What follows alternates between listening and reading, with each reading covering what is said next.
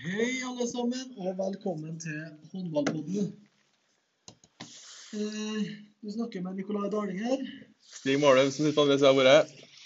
Ja, Stig, det spilles mye håndball om dagen, og serien for førstedivisjon av Eliteserien er i gang for fullt etter en ellers unormal og veldig kjedelig pause.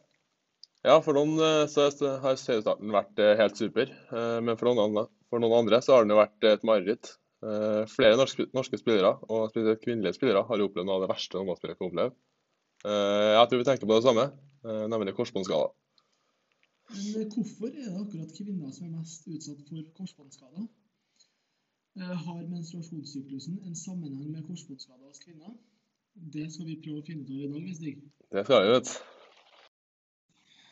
Hvis vi tar en titt på førstedivisjon og eliteserielagene i Trondheim, så kan vi se at eh, vi kun har to spillere som per nå er ute av spill med følge av avrøket korsbånd.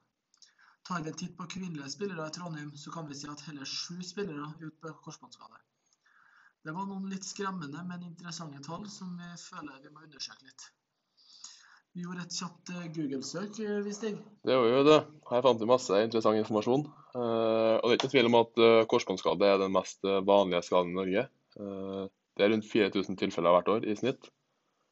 Eh, Når det gjelder alpint, håndball og basket, så trengs, det som regel operasjon, i og med at det er en eh, idrett der knærne vrides i, vries i eh, kamp- og treningssituasjon.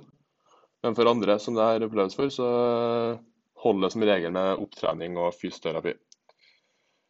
I tillegg så har jeg sett litt på en undersøkelse fra Brown University. Eh, De hadde en undersøkelse der 108 000 kvinner i alderen 15 til 49 år ble undersøkt for korsbåndskader.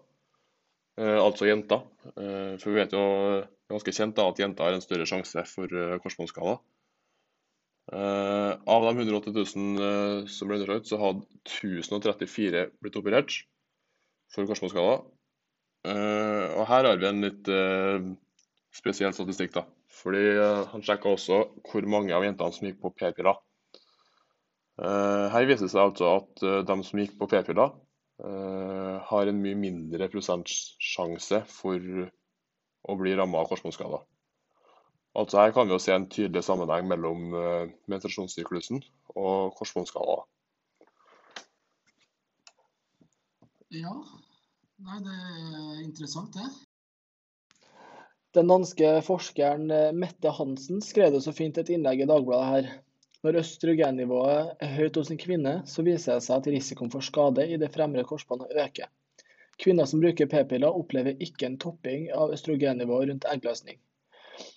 Når progesteronnivået faller i menstruasjonssyklusen, påvirkes nyrene, og mange kvinner opplever væskeansamling i kroppen. Ja, godt sagt det.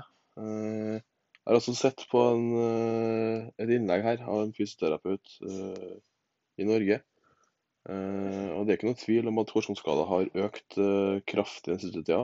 Både før og etter korona kom til lands. Det har økt opp mot 40 av tilfellene. Eh, Det her kan jo skyldes veldig mye, men det er ganske lett og jeg tror ganske stor del av forklaringa er at eh, det er for lite fokus på det i tidlig alder, eh, på barneidretten.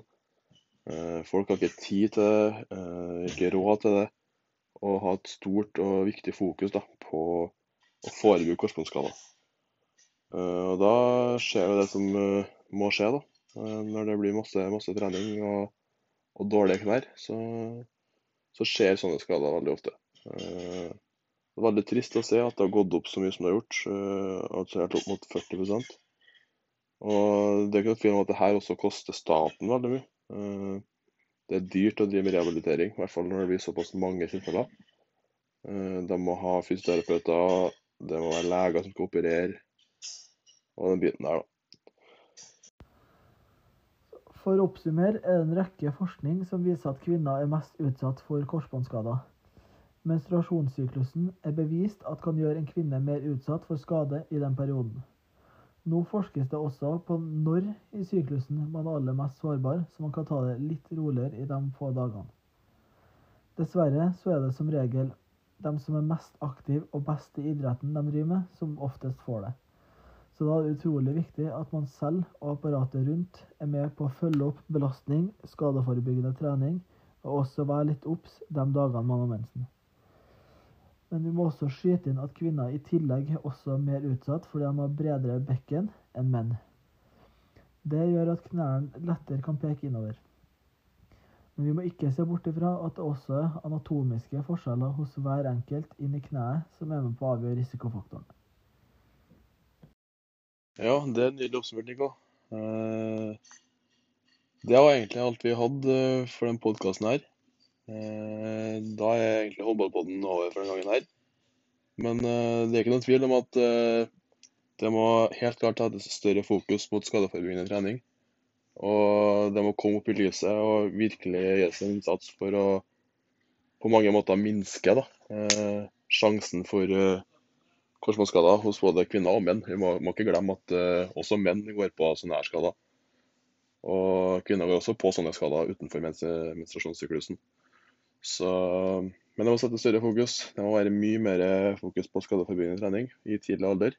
Helt ned i 11-12-13-årsalderen, så det er viktig å være godt i gang. Men da takker vi for oss uh, her fra Håndballpodden og ønsker dere en uh, nydelig dag videre. Ha det bra.